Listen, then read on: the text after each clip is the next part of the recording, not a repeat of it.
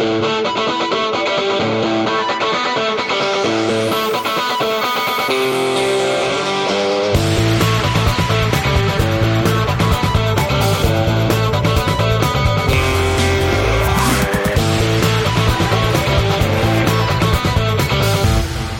Sporta raidījums piespēle. Latvijas radio pirmā kanāla sporta raidījums piespēle studijā Mārtiņš Kļavnieks un Mārs Bergs, kā jau allažas svētdienās šajā laikā. Sveiks, Māri!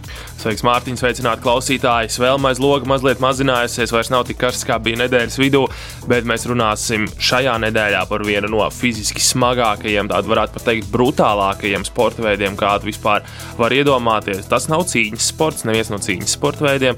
Runa ir par blakus vāģu motocrossu. Tie, kas ir redzējuši šo sporta veidu vai pat ir paši pamēģinājuši iekāpt eh, blakus vāģī, zinās, cik ļoti vaiprātīgs smags ir šis sporta veids. Un runāsim ar šī sporta veida veterānu, vienu no titulētākajiem Latvijas šī sporta veida pārstāvjiem, Kasparu Stupeli, vairāk kārtais pasaules čempions un neskaitāmas godalgas pasaules čempionātā viņam, kā arī iepazīsimies ar jauno paudzi. Kaspars joprojām turpina savu uh, tituliem bagāto karjeru, un skaidrs, ka viņš vairs nav pirmrunnieks uz visaugstākajiem rezultātiem, bet tomēr joprojām ļoti spēcīgs tajā savā rodā, ko dara, proti, kantē moci.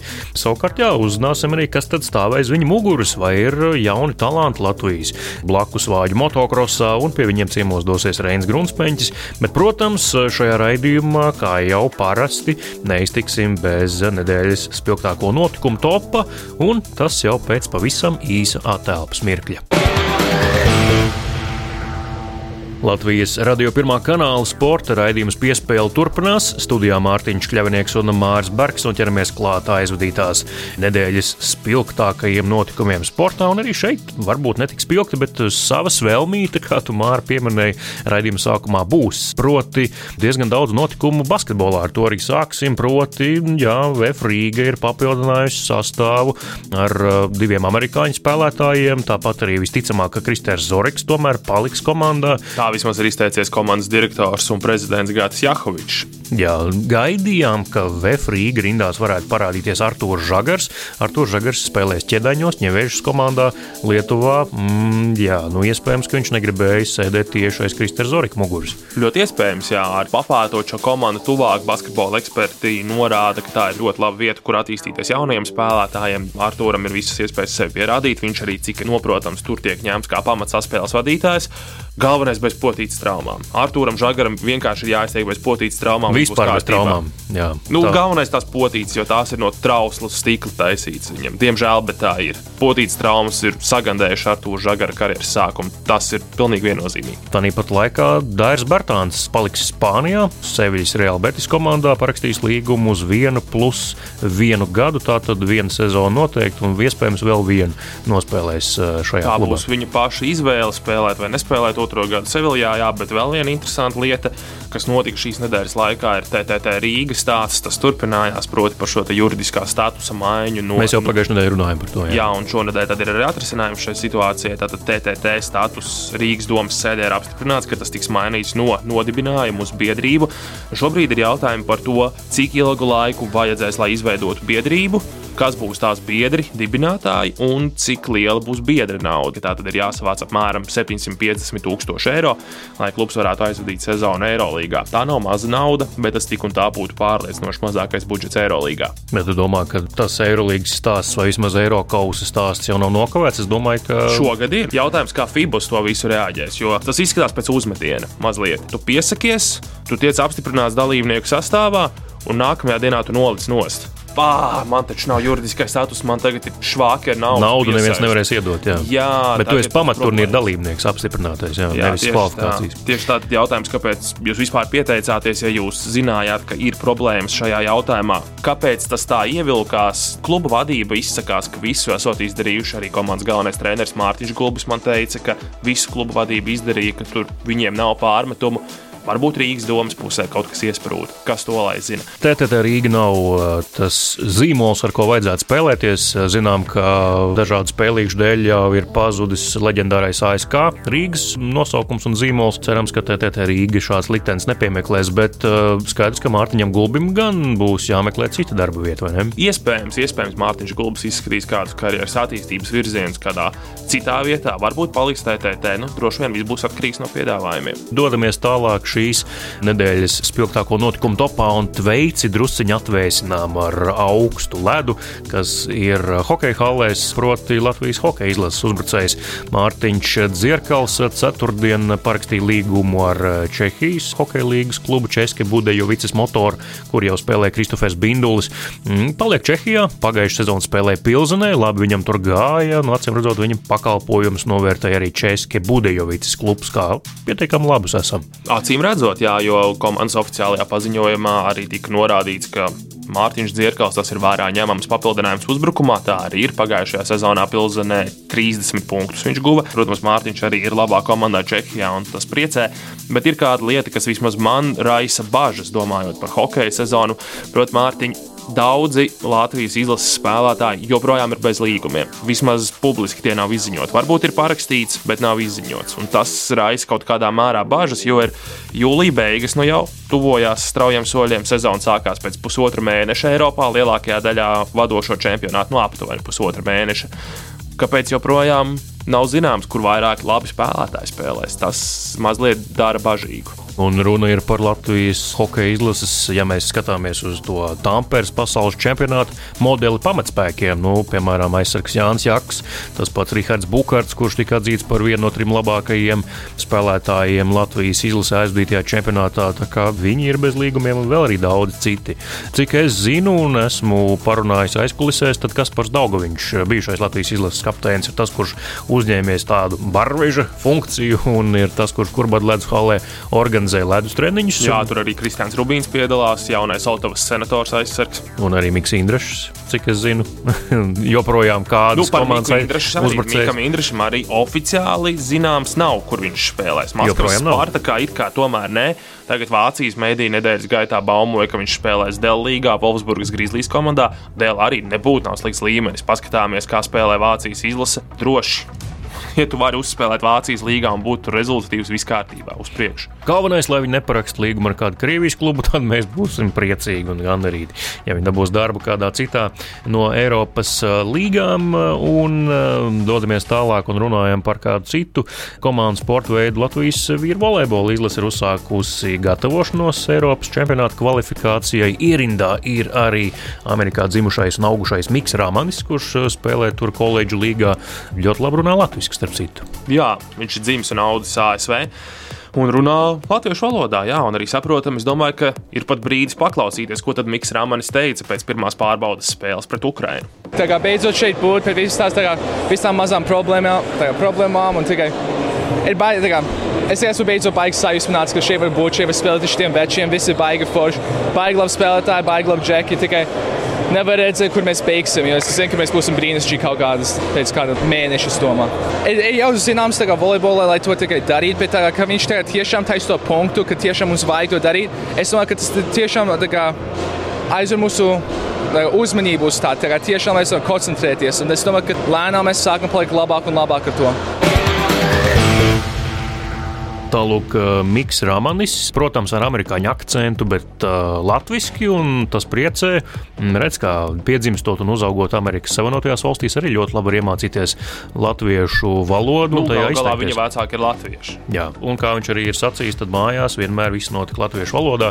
Protams, ka apkārtējā vidē angliski, tur viņš iemācījās angļu valodu un runā tajā kā savā dzimtajā, bet uh, tomēr latviešu valoda arī nekur nav pazudusi. Bet uh, sportiski, kā viņš izskatās laukumā pārsteidzoši labi. Godīgi sakot, pārsteidzoši labi. Protams, zinājām, ka viņš ir talantīgs spēlētājs. Nepavēlti komandas galvenais treneris Mihāls Gogols vēlējās viņu redzēt sastāvā jau pat uz zelta līgas spēlēm pavasara pusē. Viņš spēlēs ASV koledžu čempionātā, ASV volejbola izlase un vispār volejbola līmenis kā tāds ir augsts. ASV lielajos turnīros vienmēr ir starp favorītiem un cīnās par medaļām. Tas ir pasaules čempionāts, Olimpiskās spēles. Laukumā devās maču gaitā uz maču otro pusi jau un izskatījās labi, spēcīgi serbi, precīzi precīzi serve. Viņš arī bija vienīgais Latvijas spēlētājs, kurš ieservēja tādu tīru eisu. Nevis, ka pretinieks tur saņem kaut kā slikti vai kā, vienkārši tīru eisu, kur bumba smuki ielido laukuma stūrī, spēcīgi, precīzi. Dodamies tālāk un noslēdzam topu ar Latvijas futbola klubu startu konferences līgas kvalifikācijas otrajā kārtā. Ne visi klubi uzvarēja, un ne visi arī. Viens jau tikai uzvarēja. Ne visi arī šodien no spēlēja. trim. Trīs piedalījās sacensībās, un divi aizvadīja mājas spēles, viens izbraukuma mačs, un tieši tās klubs, kurš spēlē izbraukumā, nospēlēja vislabāk. Slovākijā Rīga komanda Ružembroka pārspēja ar 3-0. Jā, galu galā Latvijā ir četri klubi Eiropasos. Tad izskaidrosim, kāpēc spēlē tikai trīs. RFS jau ir konferences līgas trešajā kārtā, viņiem izkrītot no Champions League, tātad viņi automātiski tika tur. Bet, eh, jā, FC Riga izcīnīja uzvaru Slovākijā. Negaidīt pārliecinoši, jāsaka, godīgi, tīpaši izbraukuma spēlē. Valmieras komandai gan ir par ko padomāt. Tik daudz izšķērdētu iespēju. Uh, Nu, tā Viens- bija uzvarām spēle. Jā, viens divi pret skopis Škendija mājās, bet Daugavas stadionā Rīgā, nevis Valmierā. Jā, nu varbūt tas, ka tās ir tādas pseido mājas, tas nav īstais māju laukums, kur Valmjerā viņi spēlē. Varbūt tas kaut kādā mērā ietekmēja. Tomēr šī zāliena kvalitāte, kur esam redzējuši izlases spēlēs, tur kaut kas tur ne tā un slīdens un vēl kaut kas. Tamas Spērtī, Liepājas komandas galvenais treneris noteikti bija daudz priecīgāks. Protams, ne par rezultātu, bet par parādīto sniegumu noteikti var priecāties. Liepāja pret Bernes Young Boys, nopietnākais pretinieks Eiropausos, pret kādu Liepāja jebkad ir spēlējusi. Liepājas Daugavas stadionā 0 pret 1 tikai. Manuprāt, Young Boys vispār ir tāds nopietnākais pretinieks, kas Latvijas futbolā, klubu futbolā ir bijis kaut kādā nu, stipri ilgā laika nogriezienī. Droši vien kopš Eiropas līnijas grupu turnīra, kad Ventspils Jā, spēlēja. kopš 2009. gada, jo Young Boys vēl pagājušajā sezonā spēlēja Champions līgā, un, ja nekļūdos, tagad mēģinot ātri atcerēties, ka tik ne Manchester United arī neuzvarēja vienā spēlē. Komanda, kas sezonas laikā viņiem ir ienākumi apmēram 79 miljoni eiro, visi Latvijas virslīgi kopā tik daudz noteikti nesakrāja. Pa visiem desmit klubiem, kas mums ir. Visticamāk, jā, un uh, tāpēc arī šī komanda ieradās Liepājas lidostā ar privāto lidmašīnu. Jā, nu tieši tā, un tur, protams, ir līmenis, un arī pēc vācu portāla transfermarketa datiem, tad uh, Liepājas pamatsastāvs pret Youngboys pamatsastāvu bija apmēram 12 reizes mazvērtīgāks. Nu, tas ir tā, kāda ir aptuvenā spēlētāja vērtība tirgu. Bet laukumā to nevarēja just, un uh, Arthurs Karašausks nevienu reizi vien varēja izvirzīt vadībā Liepāju, neizdevās. Tur bija arī citi, protams, interesanti brīži šajā mačā, bet jāgaida, ko nesīs atbildes spēle, jo, lai cik tas interesanti arī neskanētu, ikdienā Bērns uh, spēlē uz mākslīgā laukuma, nevis uz dabīgā zālē. Acīm redzot, Šveicē švakar to dabīgo zālē. Līdz ar to arī izskan uh, šīs uh, nedēļas spilgtāko notikumu tops sportā. Ārpus sporta droši vien kāds pamanīja arī, ka kādreiz pietiekami labs Latvijas boxers uh, dosies politikā, bet par to mēs šoreiz nerunāsim. Jo, Priekšvēlēšana laiks, jā, aģitācijas Nu, laiks. droši vien, ka nerunātu arī, ja nebūtu. Mēs neaiztiekam. jā, droši vien nerunātu arī tad, ja nebūtu aģitācijas laiks, tā ir viņa izvēle. Bet mēs dodamies tālāk un runāsim par sportu arī raidījuma turpinājumā. Tūliņ, tūliņ jau klāt būs Kaspars Stupelis un saruna ar viņu. Piespēle. Latvijas radio pirmā kanāla sporta raidījums piespēle studijā Mārtiņš Kļavinieks un Mārs Barks. Un, eh, jā, benzīna smārža kaut kur jau jūtam, vai ne? Mārs studijā. Ir, ir benzīna smarža, jā, mums tepat uh, viss notiek, arī motoru rūkoņa. Tuvojās, tā būs arī raidījuma turpinājumā, bet šoreiz pie mums viesos ir pieredzējušais Latvijas blakus vāģu motocrossa kantētājs Kaspars Stupelis. Sveiks, Kaspar! Čau, čau, nu it kā dušu izgāju un tīras drēbes uzvilku, bet laikam vēl tā vadās kaut kāds ir.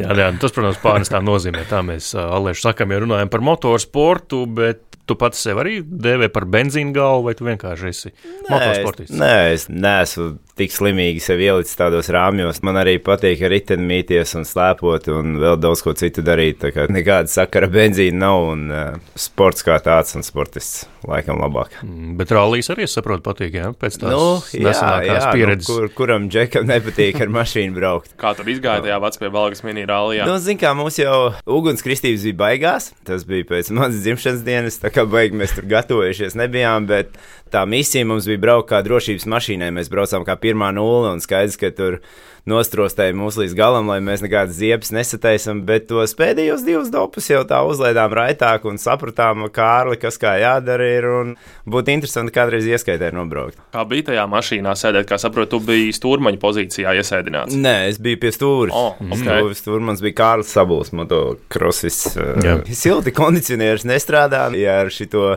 moci vēl tu brauc un tev bišķi kaut kas vējojās, tad tur, ja logus attaistīja pilns putekļu mākonis iekšā, bet tad jau, kad tu brauc, tas adrenalīns pārņem visu, un nu, tie dopi jau nav gari, un neesam jau mēs arī fiziski švaki. Nu, mēs tur ieskaitē negājām, bet mums tos laikus tāpatās ņēma, un tad mēs varējām salīdzināt. Pēdējie divi dopi jau bija tīri cilvēcīgi. Vācis lūpā saskrūvēt mašīnu un nu, uzbraukt kādā minirālī. Jā, nu tas nav. Tur, zin, kā desmit evolūciju nevar tā vienkārši nopirkt. Labi, ka ir tādi draugi no metāla pasaules, kuriem tas rallies ir tuvāk sirdī. Un, un tas arī bija viens tāds pusdienu laika brokastu lēmums, ka sēdējām visi pie galda un davai, ko nevarat. Un tā arī mēs tur sarunājām. Reku mašīna ir braucat. Kāda ir tā, tā šobrīdējā ikdiena? Mēs, kā jau minēji, redzam to, ko tu publicē sociālās saziņas vietnēs, bet kāda ir viena diena, kas par stupaļu ikdienā šobrīd? Tik piesātināta, kādas viņas nekad nav bijušas. Nu, es tagad esmu pilnīgi randumā uzņēmies tik daudz visu kaut kādas lietas. Nu, stāst, ko tu dari. Vienmēr sakot, ir cēsīs tie čaļi, kas ir rallisti. Mēs esam iepazinušies ar Emīlu Blūmu. Emīls ir N klases čempions. Iepazinos ar viņa brāli, ar brāļa draugiem, kas ir eh, tajā uzņēmumā strādājoši. Un, uh, pirms diviem gadiem bija ļoti ražana ziema. Skaidrs, ka man tā distanču slēpošana daudz mums padodas, un es kādam biju mācījis. Nu, mēs tur satiekamies Siguldā. Viņi grib, lai es pamācu viņiem tehniku vienreiz, divreiz nedēļā, vienreiz, otrreiz tā, un tad beigās nonāca tas līdz, kad es viņus pieskatu fiziskajā kondīcijā. Iepriekšējā vasarā viņi nopirka vienu solo mocu moci sāk ar solo moci braukt, tad divi džeki brauc solo moci, mēs tur slēpojam, miramies, un tagad jau izveidojusies tāda grupiņa, trenējamies. Tad es esmu, protams, uzņēmies to, ka es pieskatu visiem močus vēl un sagatavoju sacensībām. Un pirms katra treniņa tev viņš jāsagatavo un uz sacensībām īpašāk. Un tad, protams, es esmu tas kurjeris no sērijas, kurš ir uh, atbraucis uz Rīgu un kur vēl jāizskrien pa visiem veikaliem, jāsavāc, kur, kur katram kas ir vajadzīgs. Un solo formas mazgāšana, blakus vaļu formas mazgāšana, brīļu taisīšana, vienas otras un braukšana uz Igauniju turpat pakaļ. Un, tā kaut kā rotē, tā kā griezies tā kā vilciņš. Un tev liekas, šī nedēļa būs mierīgāka, bet nekas viss sakal saplānojās, un tāda ir nākamā un aiznākamā. Zinu, arī ar Maiju Pumpuru, ar jauno braucēju arī strādā, arī viņam palīdz ar fizisko sagatavotību. Tā kā tur vēl viens kaut kāds pienākums, kas nāk klāt. Tur būs, jā, Mairis, protams, tagad iziet rehabilitāciju. Mēs viņu salikām ar manu draugu un, un fizioterapeitu Oskaru Urbanoviču kopā, un Mairis cītīgi ar viņu strādā. Ļoti labs progress ir. Cik uh, mēs ar Mairi esam kontaktējušies, tad liekas, ka no augusta mēs mēneši mēs varētu arī sākt kaut kādu fizisko bāzi jau likt iekšā. Tur arī ir tā feature, ka mēs ar Kārlu Sabulu, par cik mēs esam novadnieki, Un viņam tie paši iniciāli ir, kas man, tad mēs tādu kājas akadēmiju mēģināsim kaut ko varbūt tās veidot nākotnē. Un Kārlis ļoti labi saprot uh, solo braukšanu, un es varbūt tās vairāk to fizisko, un varbūt mums kaut kas izdodas, ka mēs jauniešiem varam palīdzēt un, un kļūt labāk. Tagad gadiem jau tas viss notiek, vienkārši blakus vājš sports nav tā galīgi nolikts malā, un tāpēc es varbūt tās neeju tā, ka tagad tas ir tas, ko es daru, tikai tas un pievēršos tam. Tas tiek darīts, bet varbūt tās ne uz galīgi 100%. Nu, es vienmēr arī ar kādu vienojos, es saku, nu, man ir tās manas pamatlietas. Rēķinies ar to, netrenējos divreiz, trīsreiz dienā, kā agrāk, jo tās visas blakus lietas arī, protams, nogurdina, bet Nu, nav neviens treniņš, ka es aizbraucu ar džekiem trenēties, kad es nedaru pats līdzi. Es vienmēr pats daru līdzi, un tas arī forši, man liekas, ka salīdzinoši ok, notur mani normālā fiziskā formā. Tu pieminēji terminu pamatlietas un uh, lietas, kas ir apkārt. Kur ir šobrīd tā pamatlieta vai braukšana blakus āģos? Joprojām ir pamatlieta vai Jā, tomēr? protams, protams. Ja, ja Gerts tagad teiktu, ka mums šodien jābrauc treniņš, tad droši vien mēs šito būtu atlikuši. Nu, ja man būtu tas ieplānots, tas skaidrs. Nu, es nemelošu, sezonas sākumā mēs sagatavojušies, bijām ļoti labi, bet tajā motokrosā nevienmēr viss tā saliekās rezultātos, un tie rezultāti nebija, bija kaut kādas smoču problēmas, un, kad tu esi kaut kādā 18. vietā, tur kopvērtējumā, tad skaidrs, ka tev gribās arī kaut kādu blakus prieku. Labi, tu vari iet, iet uz vienu un to pašu, bet, ja tev nav tas rezultāts kā gandarījums kaut kāds, tad bišķi jau var nolaisties rokas un tā depresija sākties. Tāpēc es padara kaut ko citu un palaiž brīvāk tās domas, un redz, Igaunijā, ja viss saliekās, tad var nobraukt normāli. Kā jums ar Gērtu vispār ir tā sadarbība, kā jūs organizējat? Jo tu tomēr vairāk ikdienā uzturies šeit Latvijā, viņš ir Igaunijā. Kā jums tā kooperācija, treniņi, visas šīs lietas notiek? Radio klausītājiem pateiksim, Gerts Gordējus, Igaunijas braucējs. Nu, redz, liekas, Igaunija, Latvija tepat jau ir, bet nu, viņš ir no Tallinas, un Tallina ir tomēr, nu, tas ir gabals. Ja mums ir jāizbrauc, piemēram, uz kaut kādu liepāju vai aizputi, tad viņam ir normāls ceļa gabals jāmēro, un tas pats arī man, ja es gribu aizbraukt līdz Tallinas apkaimē, tad man arī visa gulēšana viss jāplāno. Bet mēs tā, kad ir jābrauc tie treniņi, tad mēs sarunājam tā, ka viņš pabrauc vairāk uz robežu pusi, kas ir Karksī, nu jā, tur vairākas trases ir vai Pērnavā vai Langē. Tartu ap to apgabalu, un tā arī kaut kā organizējamies. Bet kas par tomēr 20 gadi blakus vāģos kantējot, un um, tavs ķermenis ir redzējis un pieredzējis daudz. Ja mēs tā skatāmies uz to, kādā komplektācijā tu esi šobrīd, un ja mēs tā paskatāmies laika ratā atpakaļ, ko tas ir prasījis no tevis, šīs nežēlīgais sports tik ilgu gadu garumā? Visu jau droši vien. Tagad, skatoties, un skaidrs, ka es esmu bijis apsēsts ar to. Citādi rezultāti nesasniegt. Jā, tu esi kaut kādos 40 gados, un vakariņās, vai trasē, vai vēl kaut kur, un te tev nāk klāt, kāpēc neesi precējies, kāpēc tev nav mm. bērni, kāpēc tev nav tas. Kā tad ir pareizi? No vienas puses, cilvēku, nu jā, viņš ir fanātiķis, viņš ir foršs džeks, viņš iet uz visu, un, un no viņa var ņemt piemēru, bet varbūt tajā pašā laikā nevar ņemt piemēru, tāpēc, kad ir kaut kādas pieņemtās normas, tā teikt, ka jāveido ģimene, jāpabeidz skolu, jā, ja tāds ceļš ir Grūti pateikt. Tajā brīdī, kad tu ej fanātiski uz to rezultātu, tad visiem tas liekas ok, kad karjera noslēgusies, cilvēki sāk uh, okšķerēt vēl, nu, jā, tu tur daudz sev ķermenim nesi darījis pāri, tu tur neesi to izdarījis, neesi to izdarījis, jā, bet es esmu izdarījis to, ko es esmu izdarījis. Sasniedzis, un iekšēji es varbūt tās biežāk nogurstu no apkārtējo jautājumiem, nekā pats sevi šaustu, kāpēc ir bijis tā, kā bijis. Nu, man liekas, ja tu dari, tad dari, ja nedari, tad, tad nedari. Un, un uz tādu puslodzi, man liekas, ilgtermiņā liels mērķis tu nevari sasniegt. Joprojām tas sagādā kaifu. Nu, jā, nu, tas esmu es. Nu, es esmu mēģinājis paiet nost, un tad, kad tu atgriezies, tu saproti, cik ļoti labi tu izproti to, ko tu dari, un, un cik tev salīdzinoši viegli tas sanāk. Tas jau ir tas ceļš, tas grūtību ceļš, vai tas patīkamais ceļš, tas journey saucamais, tas jau ir tas piedzīvojums, uz ko mm. ir forši atskatīties pēc tam. Tavuprāt, šim sporta veidam joprojām ir tās potenciāls, ka, ja tu ietērpsi smukā papīrītī, visu pasniegs kā nākas skaisti, laķenes var būt populāras, tās var translēt televīzijā un tam līdzīgi. Es uzskatu, ka jā, bet šie beļģu, vācu, holandiešu tās ģimenes, kas ir gadiem dzīvojuši tajā sporta veidā, viņiem gribējies visu laiku to ģimenisko tādu nu, atstāt to, kā tas ir bijis, to mājīgumu sajūtu. Un tiklīdz tev liek kaut kādos rāmjos, nevienmēr visiem tas patīk. Bet es negribētu tagad teikt, ka tas viss foršā virzienā ir aizgājis, bet es arī skatos plašāk, un es uzskatu, ka šim promoterim ļoti smagā laikā viņš ienāca tajā visā. Neteiksim, ka smagā laikā, bet tas 18. un 19. gads tie tur kaut kā aizritēja, un tad tajā 20. bija jābūt kaut kādam pacelājumam, un Covid vienreiz, otrreiz nenotiek atsevišķi, visi organizatori piesardzīgi, un skaidrs, ka tas arī viņiem iesit pa kabatu un visam sportveidam kā tādam. Es domāju, ja mēs vēl vienu gadu tur būtu tā atsēdināti bez sezonas, tad es domāju, ka ļoti šķidrs tas pasākums paliktu. Nu, šogad arī tie posmi ir seši Bet ne jau tāpēc, ka nav trašu un nav organizatori, bet tagad atnāk šī kara situācija un cenas un degvielas cenas, un visi ir atkal piesardzīgi. Tas laiks ir vienkārši tāds, kāds viņš ir. Nu, es domāju, daudzi radioklausītāji, kur klausās šo sarunu, joprojām atcerās slavenos blakus vāģu ziedu laikus.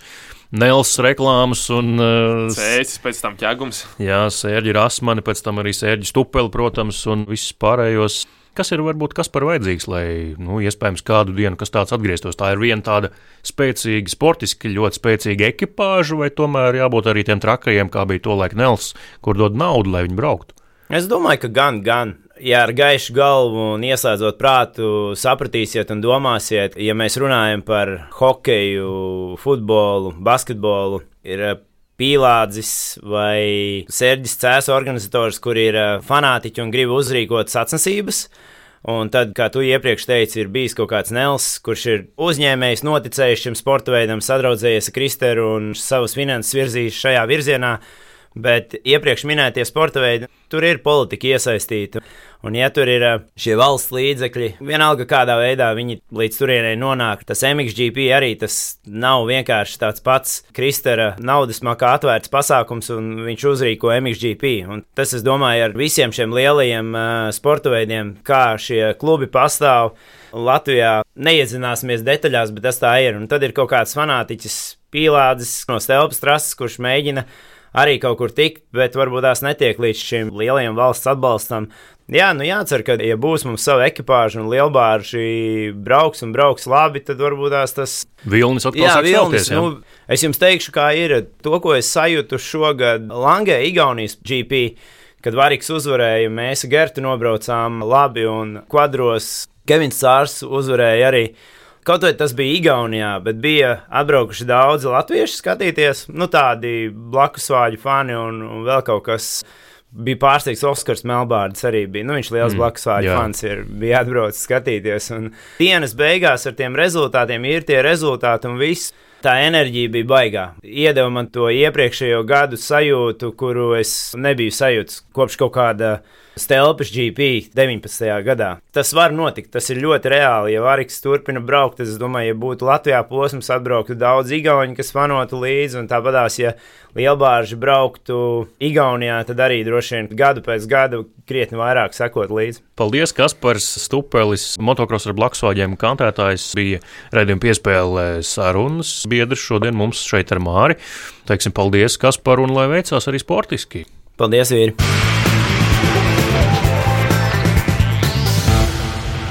Latvijas radio pirmā kanāla sporta raidījums piespēle turpinās un rūcinam tālāk, kā saka, un tagad no pieredzējušākās par stupeļa dosimies pie jauniem talantiem, vai ne, Māri? Jā, mēs ar tevi, nē, Reinis dosies pie mūsu jaunajiem talantiem, pie Daniela un Bruno Lielbāržiem, brāļi no Madonas puses. Ļoti, ļoti talantīgi izskatās šajā sporta veidā. Viņi jau startē arī Latvijas čempionāta sacensībās. Šie brāļi noteikti ir talantīgi, viņiem ir milzīgs potenciāls cīnīties arī par labām vietām jau visdrīzākajā laikā arī pasaules čempionātā. Bet ko viņi paši stāsta un ko stāsta arī viņu tēvs Kaspars, to skaidroja Reinis. Kas lācītim vēderā?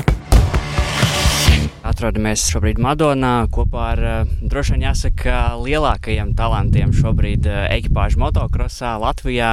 Dviņu brāļi Daniels un Bruno Lielbārži. Jūs pagājušajā nedēļas nogalē atbraucāt no Vācijas čempionāta posma, kur izcīnījāt uzvaru. Pastāstiet par šīm sacensībām, cik sarežģīti nāca tā uzvara. Jā, pirmo reizi piedalījāmies Vācijas čempionātā.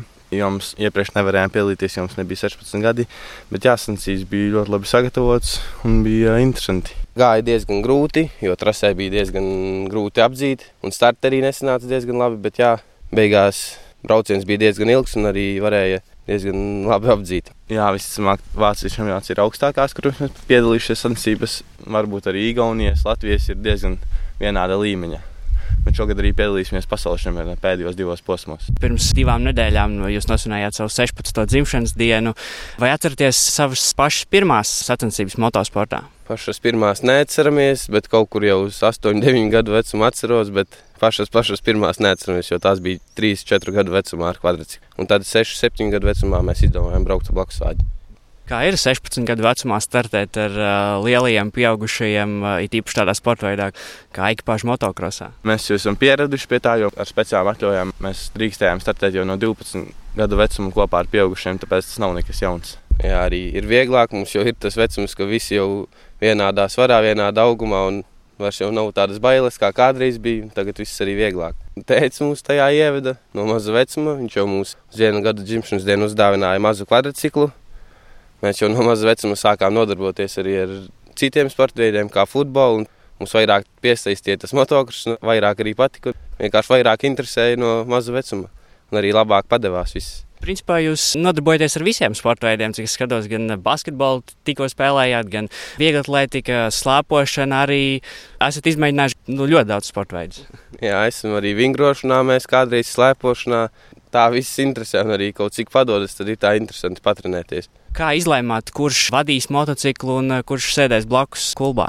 Mēs jau uzreiz zinājām, Daniels uzreiz gribēja braukt. Es uzreiz gribēju kantēt, nebija vispār nekādu strīdu. Šobrīd mums tikai tēvs palīdz. Nu, paši es kaut ko piepalīdz tā drusku, bet īsti jau daudz neko vēl nevar saprast un nesaprotu. Bet pagaidām tēcis, bet arī citi citreiz palīdz. Uz sacensībām, piemēram, Vācijas atbrauca Jānis Mačs un Jānis Cīrulis, kas arī palīdzēja. Jums uh, viens no palīgiem ir arī Kaspars uh, Stupelis. Kā ir strādāt kopā ar uh, četrkārtēju pasaules čempionu jau tik agrā vecumā? Jā, kad mēs sākām braukt boxaģi, viņš palīdzēja mums izstāstīt visus sīkumus, pašus mūsos. Un Tad, kad sacensībās, ka viņš arī piedalās, tad pastāst kaut kādus sīkumus, kur vajadzētu piestrādāt, ko, kur varētu izbraukt labāk. Jā, es domāju, viņš ļoti daudz mums iedevis. Viņš varētu būt viens no mūsu panākumu atslēgām. Kā ir ar mācībām? Kurā klasē vispār jūs sāksiet uh, rudenī mācīties? Desmitajā klasē. Kā tiekat galā ar treniņiem un apvienojat to visu? Šogad pirmo reizi aizbraucām uz nometi Itālijā, motokšā. Tad bija nedaudz grūtāk, jo bijām daudz iekavējuši, bet tā nav tik grūti. Mēs visu varam paspēt. Nu, ir tā citreiz, ka vakaros pēc treniņa negribas mācīties, bet citreiz jāsaņemas un jāsaprot, ka mācības tomēr vēl ir. Motocross nebūs visu dzīvi, un mācības tomēr arī ir galvenās. Jums ir jau arī kaut kādi nākotnē konkrētāki plāni, ko jūs varbūt gribētu studēt? Vēl par to neesam domājuši. Īsti tikai tagad plānā tāds galvenais motosports, un tad par to vēl neesam domājuši, ko nākotnē mācībām. Lielie mērķi ilgtermiņā droši vien paši augstākie. Jā, protams, uzvarēt pasaules čempionātā, bet šogad es teiktu, iebraukt top 10. Tas būtu mums tāds liels mērķis, tāds iebraukt jā, top 10 pasaulē. Bet tā turpmākos gadus jāuzvarēt pasaules čempionātā. Jūsu galvās ir jau kaut kāds konkrēts plāns, kā šo pasaules čempionu mērķi sasniegt, kaut kāds konkrēts ceļš, ko jūs darīsiet, vai pagaidām jūs tikai trenējaties, startējat un soli pa solējat uz to. Jā, pagaidām mērķis ir daudz trenēties, pa ziemu aizvadīt treniņu nometnes daudz, lai būtu labāk sagatavojušies sezonai un jā, daudz trenēties. Jā, turpināt tādu plānu, kā jau mums tagad ir. Liekas, ka ļoti labi strādā viss. Ar katru sezonu ar vien ātrāk esam. Jūs pieminējāt, ka atlikušajos divos šajā sezonā pasaules čempionāta posmos, kas būs septembrī, jūs piedalīsieties. Cik paši gatavi tam jūtaties? Fiziski tā mēs jūtamies diezgan gatavi, bet sanāca arī dažas slimošanas un arī mazas tādas traumas, sīkas, tāpēc nesanāca daudz trenēties. Bet tā fiziski un mentāli esam diezgan gatavi tam pasaules čempionātam. Pa ziemu nedaudz paslimām, nevarējām tik daudz patrenēties, bet es domāju, ka jā, ātrums ir labs un esam gatavi. Labi, gaidīsim jūs debiju pasaules čempionātā un uh, novēlu jums sasniegt jūsu mērķus. Paldies, puiši! Paldies! Paldies. Nu, ko esam ar uh, Danielu un Bruno parunājušies, bet tagad esmu arī uz sarunu aicinājis viņu tēti Kasparu. Jā, Kaspar, pastāst, kādus tu atminies varbūt pirmos soļus brāļiem motosportā.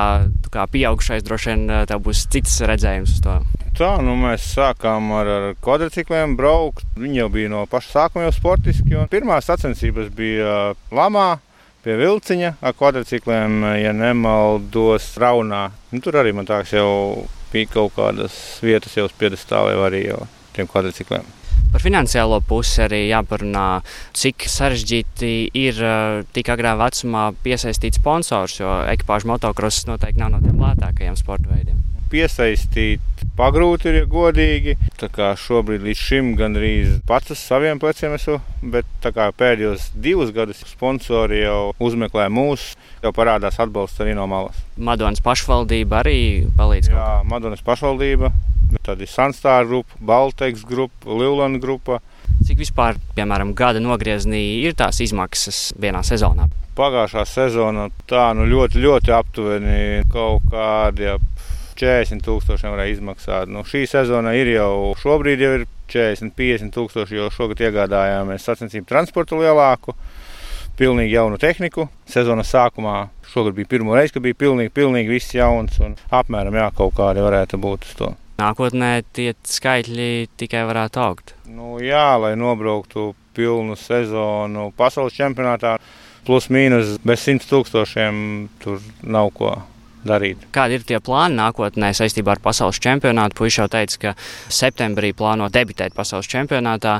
Nākotnē, nākamajā sezonā arī ir jau kaut kādi plāni, varbūt startēt pilnu čempionātu. Jā, šogad jāstartēsim atlikušos divos posmos. Plāns ir jā, nākošais gads startēt visu pilnu sezonu. Tas ļoti atkarīgs no finansējuma, bet nu, centīsimies visu pilnu sezonu startēt. Viens no palīgiem abiem brāļiem ir Kaspars Stupelis. Jūsuprāt, cik svarīgi tas ir, ka tik agrā vecumā jau ir blakus četrkārtais pasaules čempions? Kasparam var pateikties. Viņš ir tos pašus pamatus ielicis, to, ko mēs esam līdz šim sasnieguši. Es tā uzskatu, bez Kaspara mēs nebūtu tik tālu tikuši. Visi kontakti ārzemēs par visu tehnikas sagādāšanu, par visu pirmie soļi, kā pareizi kantēt, kā pareizi braukt, trajektorijas. Tos pašus pamatus jau Kaspars ielika. Jā. Tas ir liels viņa nopelns arī tur. Jūs paši arī bijāt personīgi pazīstami jau no skolas gadiem, tā kā viņš no pašiem pirmsākumiem jau. Jā, pilnīgi no pašiem pirmsākumiem. Mēs jā, mācījāmies vidusskolā kopā. Un arī dažas sacensības esam uzbraukuši arī kopā tādā ļoti lielā amatieru līmenī, nezinu, ap kaut kādiem 2000. gada sākumā, kaut kur apmēram tie varēja būt laiki. Pāris sacensības uzbraucām kopā. Cik daudz vispār jums pašam, protams, kopā arī ar sievu, ir nācies ziedoties priekš abiem brāļiem, lai dotu viņiem šo iespēju, un uh, vēl tad, kad viņi bija pavisam jauni un sponsori vēl tad nebija piesaistīti? Pārējais viss tiek palikts maliņā, nu, kā es saku, jau māja jau cik gadus jau nav pabeigta, un ļoti daudz tiek finansiāli puikām. Tik traki jau arī nav, bet paši paliekam maliņā savas kaut kādas tur iegribas vai kaut ko tādu. Skaidrs, ka Daniels un uh, Bruno šobrīd ir uh, viena no talantīgākajiem, ja ne vistalantīgākie Latvijā savā vecuma grupā šajā sporta veidā. Bet no malas raugoties, kas varbūt uh, jūsuprāt ir tās lietas, pie kā viņiem būtu vēl jāpiestrādā, lai pilnveidotos? Protams, tāpat tās joprojām tas fiziskais ir, bet es uzskatu, ka viņiem ir ļoti labs fiziskais, jo viņi dien, dienā vieglāk trenējās, bet tāpat tās pie tā fiziskā jāpieliek ir. Un, uh, braukšana, braukšana, vairāk pavadīšana uz moča sacensības. Tad arī pagājušajā nedēļā bijām Vācijā uz, uz Vācijas čempionātu, kur ļoti labi gāja. Godīgi negaidīja tādu rezultātu. Ja viss varbūt tā saliksies veiksmīgi, varbūt mēs aizbrauksim nākošais nedēļa arī uz Vācijas čempionātu uzbraukt. Pieredzi pakrāt tieši, lai pasaulē būtu vieglāk braukt. Tā kā galvenais ir šobrīd vēl tā braukšanas pieredze jāuzkrāj. Nu, jā, jā, priekš lielām sacensībām. Tas nav braukt eh, Baltijā, tādā konkurencē. Pasaulē tomēr ir kaut kāds cits līmenis un gribās tā mazliet tai pasaulē vairāk sagatavoties arī šogad. Tāpēc jau mēs aizbraucām uz Vācijas čempionātu. Arī nākošanai mēģināsim tas aizbraukt. 16 nu, gadi, tas vēl ir ļoti agrs vecums, bet viņi jau tādā vecumā piesaista uzmanību no mēdījiem, no sponsoriem, kāpjas godu piedestāli arī starp pieaugušajiem. Vispār motosportā tā arī ir, ka jau ļoti agrā vecumā kļūst pazīstami. Tā ir tāda varbūt motosporta specifika. Kā jūs prāt, psiholoģiski viņi tiek galā ar uh, to? Es domāju, šobrīd psiholoģiski viņi domā, ka ļoti labi tiek galā. Ir tā specifika, bet šobrīd mums pateikšu godīgi, tas rezultāts ir tādā tā kā otrajā plānā. Mums nav tur katrā sacensībā obligāti jābūt pirmajam.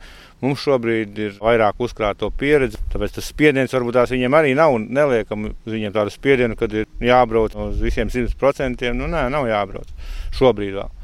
Kad brauks pasaulē, tad, tad skatīsimies. Nu, šobrīd ir jākrāj pieredze.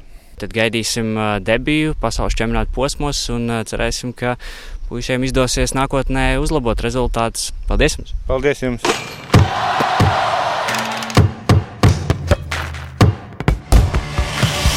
Svētdiena, Latvijas radio pirmais kanāls, sporta raidījums piespēle Mārtiņš Kļavinieks un Māris Bergs studijā. Nu, tālāk, brum, brum, mēs esam atbraukuši atpakaļ eh, no vietas, kur trenējas brāļi lielbāži, bet eh, jebkurā gadījumā ceram, ka viņi izaugs par profesionāliem sportistiem, kuri cels atkal šo sporta veidu saulītē, jo, kā jau mēs te ar Kasparu Stupeli runājām, tad kopš Serģa Rasmaņa laikiem un arī, protams, Serģa vēl Stupeļa laikiem Nu, nav bijis tāds absolūts uh, blakusvāģu trakums Latvijā vairs. Nu, jā, nu, brāļi Daideri, vēl, protams, Jānis un Lauris arī ļoti augsta līmeņa ekipāža bija, arī cīnījās ar labiem rezultātiem pasaules čempionātā. Mārcis Rupēks, Haralds Kurtnieks arī bija. Jā, protams, arī Kaspars Liepiņš un Elvis Mucenieks kā kantētā ir bijuši ļoti, ļoti spēcīgi un braukuši spēcīgās ekipāžās un cīnījušies par uh, godalgotajām vietām arī pasaules čempionāta kopvērtējumā. Līdz ar to Latvijai šajā sporta veidā, zinām, ir tradīcijas jau no padomju laikiem, kad šis sporta veids bija ļoti populārs populārs tiešām ceram, ka brāļi Lielbārži būs Sērģa, Stupeļa un vispārējo šo vīru mantinieki nākotnē. Ar to arī izskan šīs nedēļas raidījums. Nākamajā nedēļā dosimies iekštelpās, vismaz tāds ir plāns, dosimies vēsās iekštelpās, kondicionētās, kur arī jaciņu vajadzēs uzvilkt. Un uh, runāsim, protams, par vienu no populārākajiem sporta veidiem Latvijā, kāds mums ir hokejs.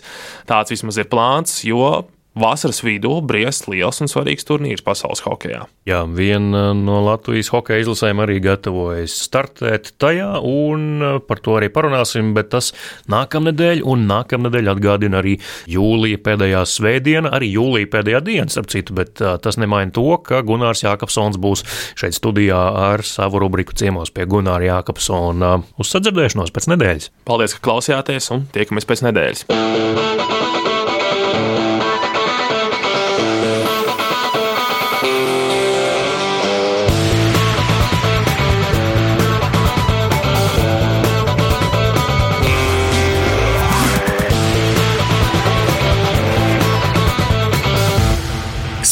Raidījums piespēlē.